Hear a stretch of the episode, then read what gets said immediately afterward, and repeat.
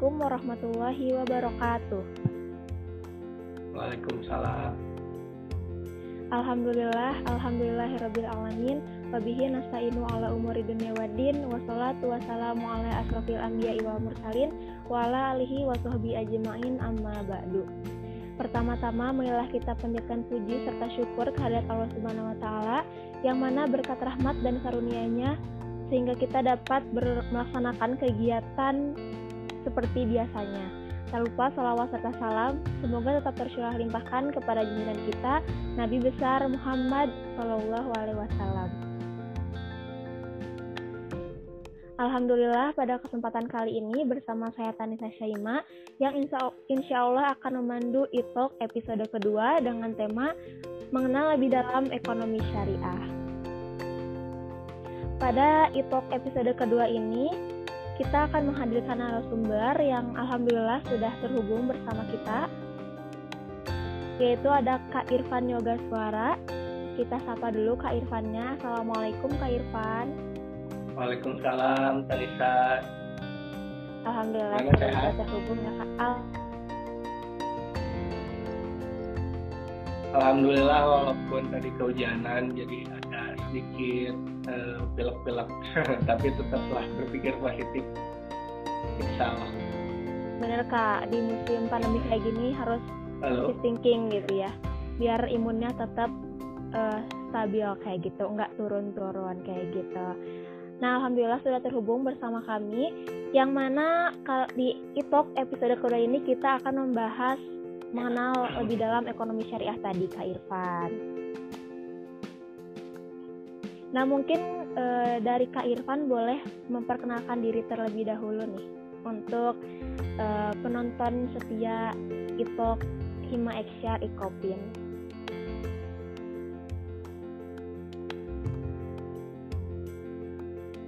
Ya baik.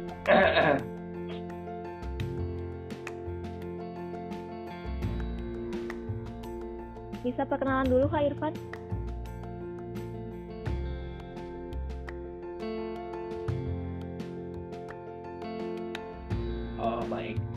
Assalamualaikum warahmatullahi wabarakatuh. Waalaikumsalam. Ya, eh, nama saya Irfan juga suara eh, semester akhir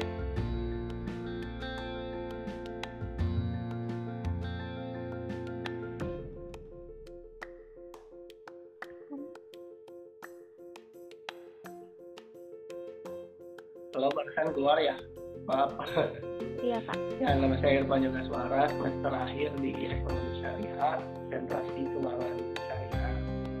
Uh, kemudian saya sekarang lagi susun skripsi, mudah-mudahan uh, terkejar ya, walaupun banyak kendala ini itulah.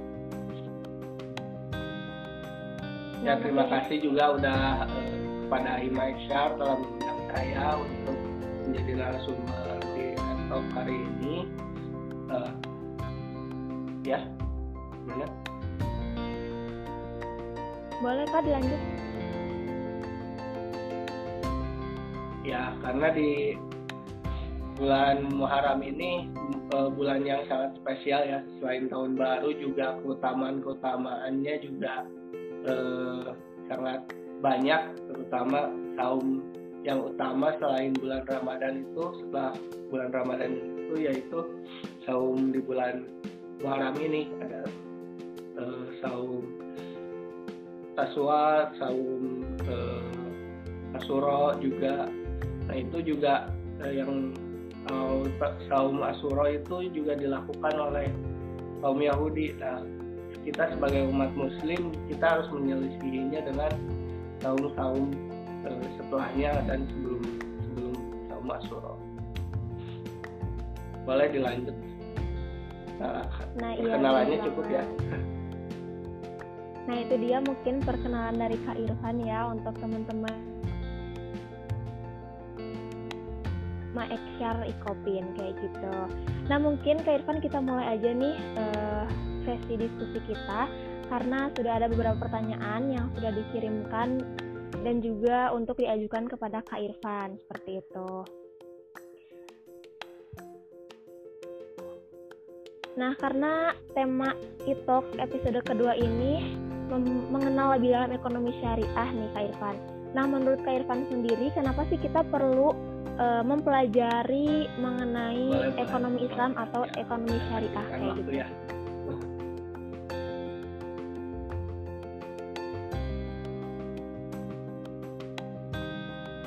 Bisa terdengarkah pertanyaannya?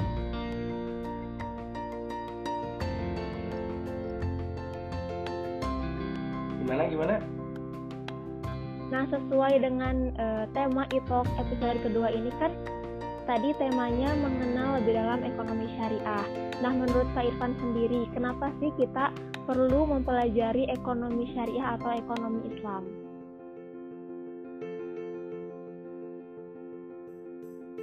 Ya, kita harus mempelajari eh, terutama kita kan umat muslim ya. Sebagai umat muslim masa sih nggak tahu sistem sistem keuangan atau sistem ekonomi syariah itu sendiri gitu. Menurut saya ini sangat penting bagi umat muslim karena biar tidak terjebak dalam hal-hal yang dilarang oleh agama gitu. Kalau misalkan kita uh, terpeleset sedikit saja uh, karena ketidaktahuan kita, uh, maka akan sangat rugi gitu. Tidak mengenal uh, ekonomi ekonomi syariah itu sendiri dan malah akan menjerumuskan kita ke dalam neraka gitu kami ya. Jadi sangat penting banget gitu mengenal ekonomi syariah. Nah iya dibarengi Apalagi dengan bisa dipraktekkan ya. Iya kak. Nah dibarengi dengan kita ya di Indonesia ini kan mayoritas itu e, beragama Islam seperti itu. Jadi penting banget kita mengetahui tadi yang seperti Kak Irfan bilang mengetahui ekonomi syariah kayak gitu. Nah Kak Irfan akhir-akhir ini kan e, bisa dirasa ya oleh kita semua kalau ekonomi Islam itu atau ekonomi syariah itu lagi naik-naiknya kayak gitu, lagi banyak diperbincangkan juga di luaran sana kayak gitu. Gimana nih Kak Irfan ngerasain juga nggak e, ekonomi syariah ini lagi naik-naiknya?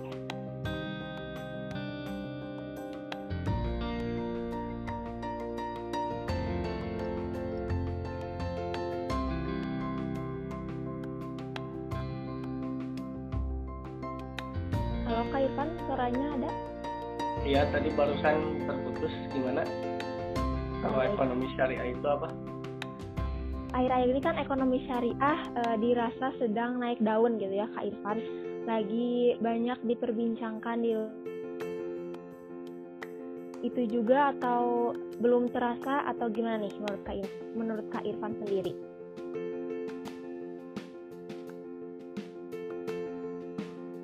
Iya betul ya, e, karena kemarin kemarin-kemarin itu naik daun terus e, pasca mergernya BSI dari tiga bank yaitu Bank BRI Syariah, terus BNI Syariah, kemudian Bank Mandiri Syariah juga itu menjadi merger menjadi satu bank yang e, yaitu BSI menurut saya ini sangat penting banget ya terutama saat pandemi seperti ini. Kemudian eh, dari filantropi filantropi yang ada di Indonesia yaitu Basnas kemudian yang membantunya lasnas-lasnas nasional ini sangat penting gitu untuk membantu saat pandemi sekarang karena eh, virus corona ini ya ada membantu di sektor ya zakat infak dan sedekah itu dipergunakan juga untuk membantu saat pandemi sekarang ini kayak membantu tabung oksigen terus program-program lain membantu ambulan pengadaan ambulan kemudian membantu juga uh, ada disinfektan untuk yang yang udah isoman gitu. Nah ini ekonomi Islam itu jadi uh, sangat sangat berarti dan membantu gitu Iya benar sekali Kak Irfan. Nah eh, di maraknya ekonomi syariah ini tadi kan eh, dengan adanya Bank Syariah Indonesia yang di mana itu merupakan gabungan dari tiga bank kayak gitu ya Kak Irfan. Nah Bank Syariah Indonesia ini kan udah milik BUMN ya Kak Irfan. Bank Syariah Indonesia ya betul sahamnya dikuasai Nah menurut Kak Irfan sendiri eh, apakah kakak yakin atau tidak Bank Syariah Indonesia itu bisa eh, menjadi perbankan nomor satu di Indonesia? Menurut Kak Irfan seperti apa? Oh, Oke, okay. kalau dari eh, opini saya sih eh, dari dari yang saya pernah ikuti seminarnya waktu launching itu uh, ada seminar tentang tonggak sejarah perbankan syariah di Indonesia. Nah, uh, direktur Bank BSI itu mengatakan bahwa uh, kita lihat dari filosofi uh, dari filosofi logo logo Bank Syariah Indonesia itu sendiri uh, kan ada huruf I. Nah, huruf I-nya itu ada titik. Nah, ada logo bintangnya itu Nah, bintang lima sudut itu menandakan bahwa eh, si BSI ini akan menuntun eh, pada kebaikan gitu, terutama dalam sisi sektor keuangan. Kemudian eh, dalam surat Al-Qur'an juga dijelaskan bahwa eh, sesuai gitu ya bintang ini eh, gelap gulita menjadi terang benderang uh, insya Allah uh, karena izin Tuhannya. Terus dari bintang itu sendiri juga hampir sama semangatnya dengan uh, Pancasila yaitu semangat mensejahterakan masyarakat Indonesia. Terus dari dari warnanya itu ada warna hijau muda gitu ya. Itu warna hijau muda itu melambangkan kedamaian, pertumbuhan berkelanjutan dan semangat generasi muda. Kemudian ada warna gold yang dari bintangnya itu itu menunjukkan optimisme dari kesuksesan eh, dari das optimisme kebersamaan dan kesuksesan. Terus kolaborasi dari hijau dan warna gold itu melambangkan mencerminkan semangat PSI untuk menjadi bank syariah kebanggaan masyarakat Indonesia yang modern, global dan juga eh, rahmatan lil alamin. Karena eh, si logo ini eh, brandnya itu menguatkan dengan produk dan layanan sejarah yang inovatif dan juga universal. Jadi juga tidak hanya umat muslim yang bisa uh, berkontribusi di sana. Uh, umat non muslim juga bisa karena ini sifatnya universal. Nah kondisi saat ini pas waktu launching itu PSI itu pasca merger ya dari tiga bank itu dari sisi aset juga eh, mereka eh, mereka itu posisinya di ke tujuh terbesar bank-bank perbankan di Indonesia.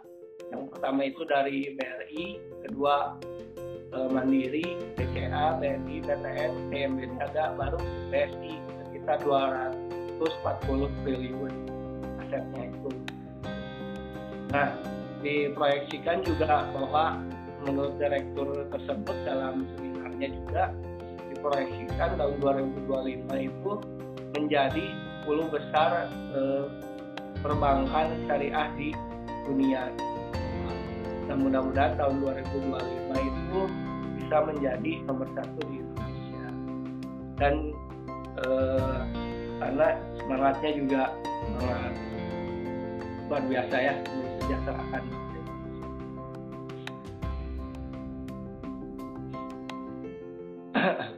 Baik. Jadinya kita itu ya kak eh, ada harapan lah gitu ya untuk BSI ya. ini sendiri kayak gitu. Dilihat dari ya, filosofinya sendiri tadi.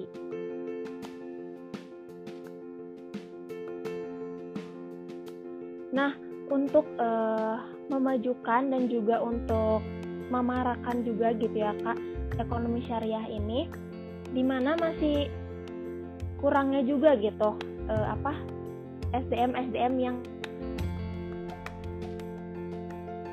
uh, bagaimana nih kak jika seorang yang bekerja di bank konvensional lalu dia berpindah ke bank syariah tetapi dia tidak mengetahui konsep bank syariah tersebut kayak gitu.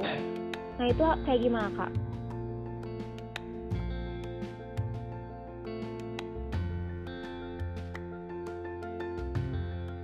Kalau yang pindah gitu dari bank konvensional ke bank syariah gitu. karyawan maksudnya ya atau apa atau nasabah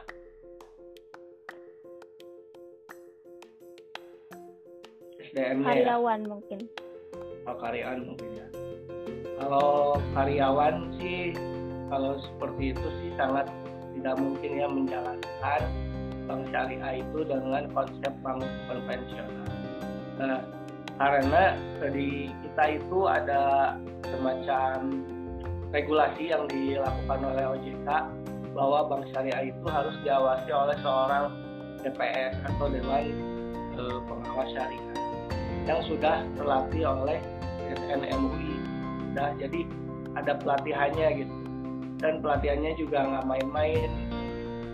E, pelatihannya juga lumayan sih mahal tapi e, nanti bisa menjadikan profesi e, si DPS ini profesional sesuai dengan syariat gitu yang sudah di, diregulasikan oleh DSM MUI sendiri. Jadi insya Allah karena setiap setiap bank syariah itu memiliki SOM sendiri standar operasi operasi um, operasi operasi manajemen. Nah, pasti setiap karyawan baru yang masuk ke ke perusahaan bank syariah ini pasti di training dulu minimal akan-akannya terus uh, SOM-nya seperti apa kemudian juga uh, uh, pelayanan terhadap customer seperti apa mungkin sangat akan sangat berbeda nuansanya ketika masuk bank syariah dengan bank konvensional. Baik, jadi kemungkinan untuk yang bekerja e, dari bank konvensional ke, ke bank syariah dan menerapkan e, prinsip konvensionalnya gitu ya kak ke bank syariah itu sangat kecil kemungkinannya karena bank syariah sendiri diawasi oleh tadi yang seperti Kak Irfan sebutkan seperti itu. Ya, karena diawasi oleh OJK juga, terus uh, si OJK ini ber, bertugas atau memiliki fungsi pengawasan, terus juga menjadi pelindung bagi nasabahnya gitu, tidak sesuai dengan regulasi yang dilakukan oleh bank syariah atau unit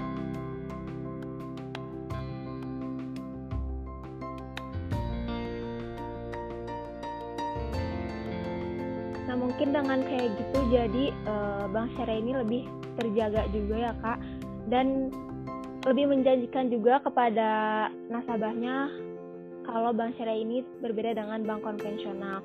Tapi sayangnya nih Kak Irfan ya, Bank Syariah itu kan masih uh, belum banyak tersebar gitu ya di beberapa daerah masih ada yang belum terdapat bank syariah. Nah, gimana nih solusi dari Kak Irfan sendiri untuk uh, memperkenalkan lebih dalam lagi dengan adanya bank syariah ini kepada uh, masyarakat yang belum mengetahui keberadaan bank syariah ini dan yang masih apa ya uh, susah gitu untuk menjangkau bank syariah ini.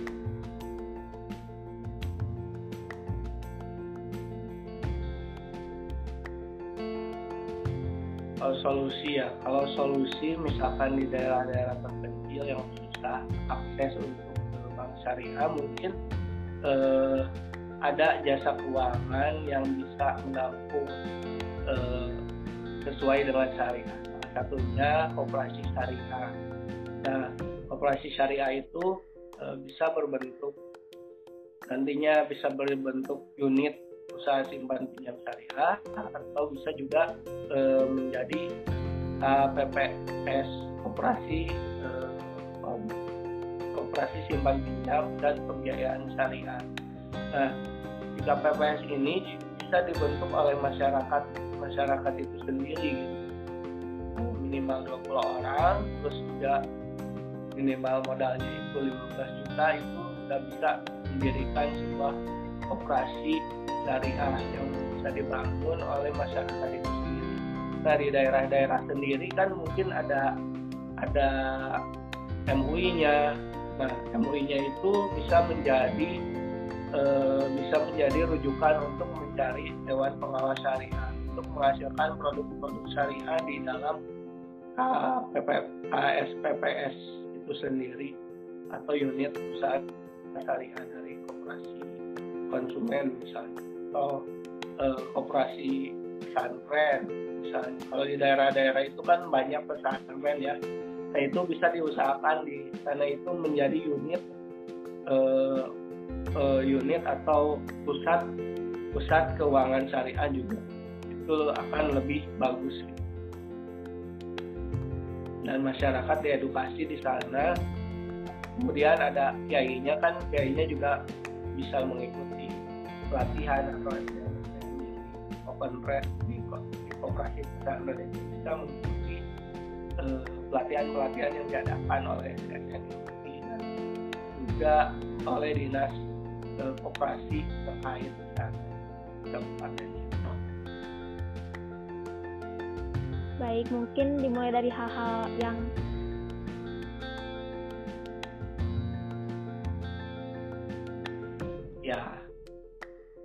dari kesadaran masyarakatnya itu sendiri betul sekali. Nah mungkin benar juga e, diras apa ya yang kita rasain juga sama banget gitu ya Kak Irfan. Di mana e, di pedesaan atau di daerah yang ter e, apa ya yang mungkin belum banyak bank syariah tapi sudah banyak juga koperasi-koperasi syariah yang terdapat di beberapa daerah seperti itu jadi tidak ada alasan untuk tidak bersyariah gitu ya Kak Irfan ya. Ya betul. Nah mungkin untuk menutup pertanyaan nih Kak Irfan, uh, boleh dong Kak Irfan kasih pesan untuk uh, adik-adik tingkat Kak Irfan untuk uh, penonton juga gitu ya nanti penonton itu episode kedua ini agar tertarik untuk uh, mempelajari ekonomi syariah kayak gitu. Pesannya apa ya? Pesan baso itu ya pesannya eh, tetap semangat buat adik-adik yang mempelajari tentang ekonomi syariah. Insya Allah bermanfaat. Apalagi kalau dipraktekkan eh, insya Allah akan membawa kita untuk menuju jalan surga karena eh, Rasul bersabda siapa yang eh, mempelajari ilmu itu akan orang berilmu itu akan mudah gitu akan ditunjukkan jalan menuju surga dan juga akan ditinggikan beberapa derajat e, dibandingkan orang-orang yang tidak mempelajari ilmu.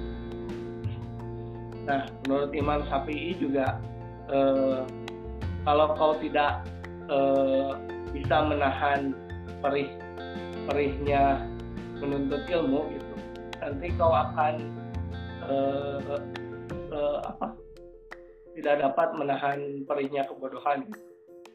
Nah, uh, insya Allah kalau mempelajari ekonomi syariah itu mudah ya sebenarnya. Uh, tinggal kita berpatokan aja ke hal-hal yang dilarang oleh agama gitu dari muamalah itu sendiri itu uh, biasanya yang dikenal dengan maghrib terus ada juga uh, yang lainnya gitu dari sisi keharaman dan sisi lainnya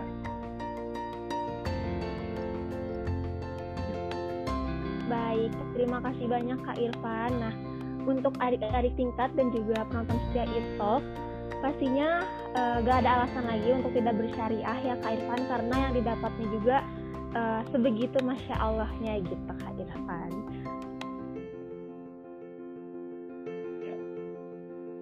Karena kita uh, apa ilmu ekonomi syariah juga uh, kalau tidak bermanfaat buat buat minimal buat keluarga lah kalau tidak bisa untuk masyarakat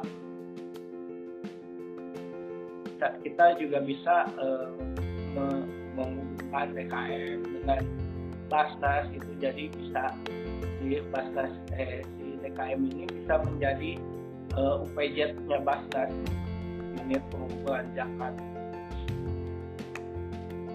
minimal ilmunya bisa diterapkan di masyarakat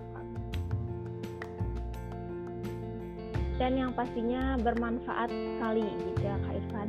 Nah, Iya. terima kasih banyak kepada Kak Irfan yang telah menyempatkan uh, waktunya gitu ya untuk menemani e-talk episode kedua ini. Yang mana mudah-mudahan setelah uh, e-talk ini tayang gitu Kak Irfan, banyak adik-adik uh, di luar sana yang tertarik untuk uh, berekonomi syariah kayak gitu.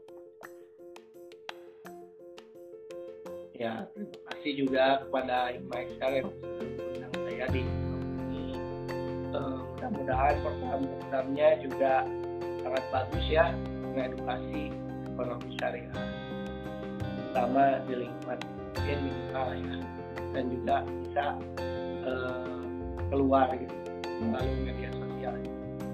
Terima kasih. Assalamualaikum warahmatullahi wabarakatuh. Waalaikumsalam warahmatullahi wabarakatuh.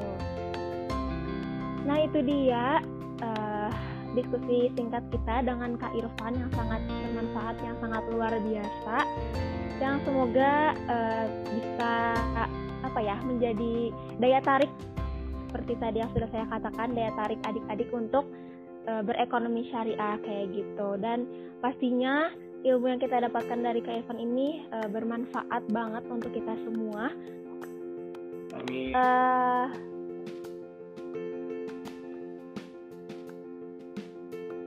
Saya Tanisa Syaima sebagai pemandu ITOK episode kedua. Pamit undur diri. Wassalamualaikum warahmatullahi wabarakatuh. Sampai bertemu di ITOK selanjutnya. Wah.